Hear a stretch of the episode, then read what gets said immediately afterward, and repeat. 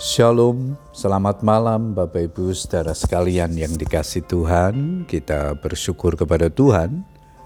Malam hari ini kembali kita boleh datang kepada Tuhan untuk menaikkan ucapan syukur dan doa-doa kita setelah sepanjang hari ini kita menikmati segala kebaikan Tuhan. Namun sebelum berdoa saya akan membagikan firman Tuhan yang malam ini diberikan tema damai sejahtera Tuhan. Ayat mas kita di dalam Filipi 4 ayat yang ketujuh, firman Tuhan berkata demikian, Damai sejahtera Allah yang melampaui segala akal akan memelihara hati dan pikiranmu dalam Kristus Yesus. Bapak Ibu Saudara sekalian, semua orang mengakui bahwa situasi dunia saat ini semakin hari semakin membuat kita khawatir. Karena kejahatan merajalela di mana-mana, kekacauan, kerusuhan, pembunuhan, pemerkosaan, perampokan, wabah penyakit, dan berbagai bencana terjadi di tengah-tengah dunia ini. Hal ini menandakan bahwa dunia sudah semakin rusak. Keadaan ini terjadi karena pekerjaan si iblis beserta bala tentaranya yang berusaha untuk menghancurkan umat Tuhan. Iblis tahu bahwa sebentar lagi Tuhan akan menjemput umat pilihannya. Itu artinya bahwa waktu penghukuman bagi iblis sudah ada di depan mata.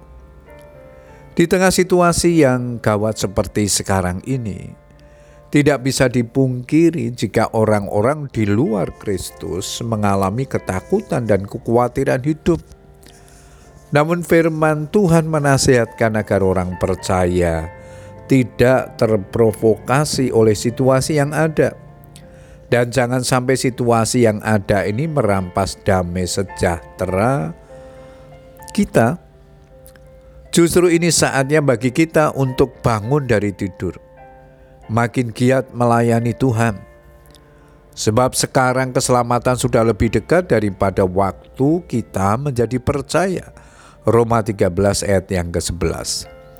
Ketakutan dan kekhawatiran bukan milik orang yang percaya kepada Kristus, tapi milik iblis bersama dengan pengikutnya.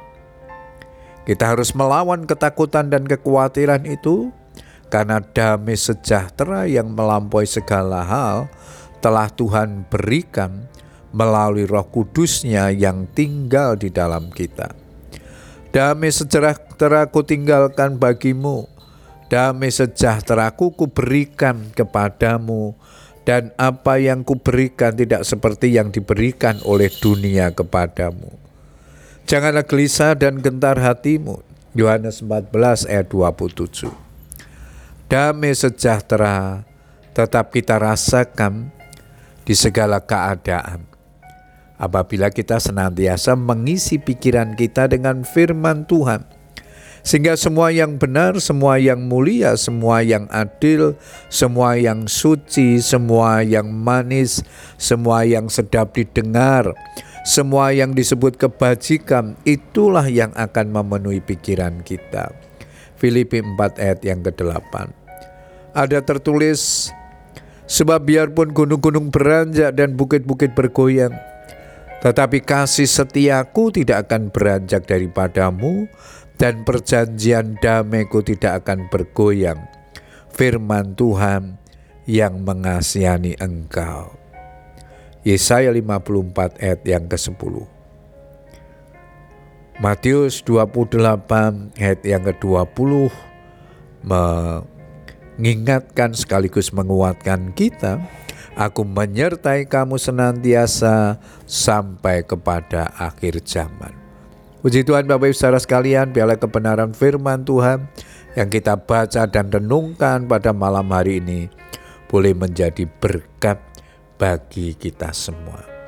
Selamat berdoa, Tuhan Yesus memberkati. Amin.